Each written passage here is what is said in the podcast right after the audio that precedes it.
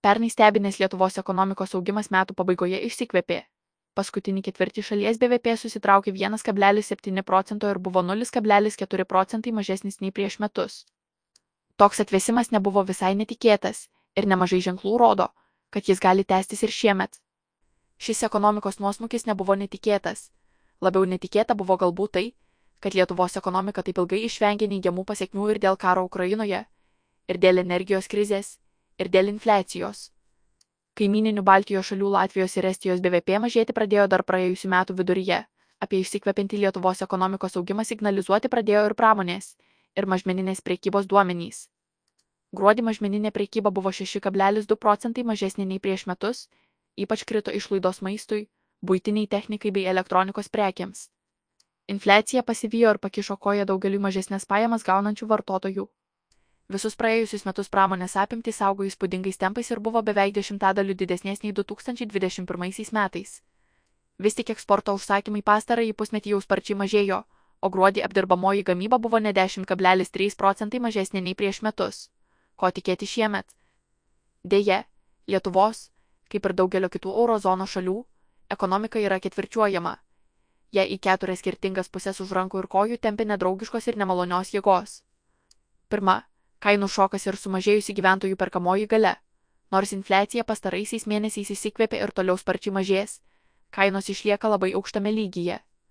Kitaip sakant, praėjusiu metu kainų šuolio pasiekmes vis dar jausime šiemet. Daugelio gyventojų pajamų augimas kainų augimo nepasivijo, o sumažėjusi perkamoji gale reiškia, kad tenka peržiūrėti vartojimo įpročius. Antra blogiausių energijos krizės scenarijų Europa išvengė, tačiau per anksti teikti, kad visos problemos jau praeitie. Kol kas Europai padėjo dvi neįprastai šiltos žiemos, bei pramonės įmonių lankstumas ir gebėjimas sumažinti energijos suvartojimą. Vis tik jei šiemet es visai nebeimportuotų dujų iš Rusijos jų vis dar perkama apie 8 procentai, o ateinanti žiema būtų įprastai šalta. Tuomet europiečiams reikėtų dar maždaug 7 procentai sumažinti vartojimą. Be to, nors dabartinės dujų ir elektros kainos biržose atrodo mielos akiai, tačiau čia yra niuansų. Net ir pigesnė nei pernai energija neįtin padeda Europos įmonių konkurencingumui, nes kaina išlieka gerokai didesnė nei praėjusį dešimtmetį ir aukštesnė nei daugelyje kitų pasaulio regionų. Gyventojai irgi daug naudos nepajus. Nemokėję pilnos rinkos kainos pernai, šiemet jie nejaučia palankių rinkos tendencijų, sutaupo tik valstybės biudžetas, nes reikės mažiau lėšų kompensacijoms. Trečia problema. Kovodama su praėjusiu metu infliacija Europos centrinis bankas ECB šį ketvirtadienį pakels palūkanų normas dar pusę procentinio punkto ir čia nesustos. Tikėtina, kad tarpbankinių palūkanų normos Euribor metų viduryje pakils iki 3,5 procento. Tokios ilgai nematytos, o daugam ir niekada anksčiau nematytos, palūkanų normos mažina būsto įperkamumą ir toliau slopins nekilnojamojo turto rinką. Jau turinčių būsto paskolos sąskaitos dėl to irgi patuštės, bet tai neturės didelio makroekonominio poveikio. Tik 16,6 procentai lietuvių gyvena būste, kurio įsigijimui prireikia paskolos. Tačiau palūkanos kyla visose vakarų valstybėse tai neigiamai paveiks daugelio gyventojų perkamąją galę ir Lietuvos eksporto rinkose. Čia išryškėja ketvirtoji nepalanki tendencija - atslūkstanti pasaulinė paklausa.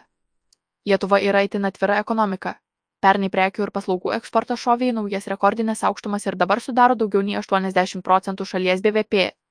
Todėl mūsų šalies perspektyvos labiausiai priklauso ne nuo to, kiek pinigų mes išleidžiame restoranuose ar grožio salonuose, o kiek pirkėjų eksporto rinkose domisi mūsų prekėmis ir paslaugomis. Daugelis iš ankstinių indikatorių rodo, kad pasaulinė prekyba artimiausių metų gali sumažėti. Vartotojai beveik visose Lietuvos eksporto rinkose susiduria su panašiomis problemomis - infliacija, energijos šoku, didesnėmis palūkanomis. Ir ten paklausa jau mažėja, vis tik horizonte matomos ne vien tik niūrios perspektyvos. Pastaruoju metu labai pasitaisė gyventojų lūkesčiai, geriau vertinama ir asmeninė finansinė padėtis ir šalies ekonominės perspektyvos. Šių metų sausį padidėjo eksporto užsakymai, labai pagerėjo ir daugelio įmonių lūkesčiai.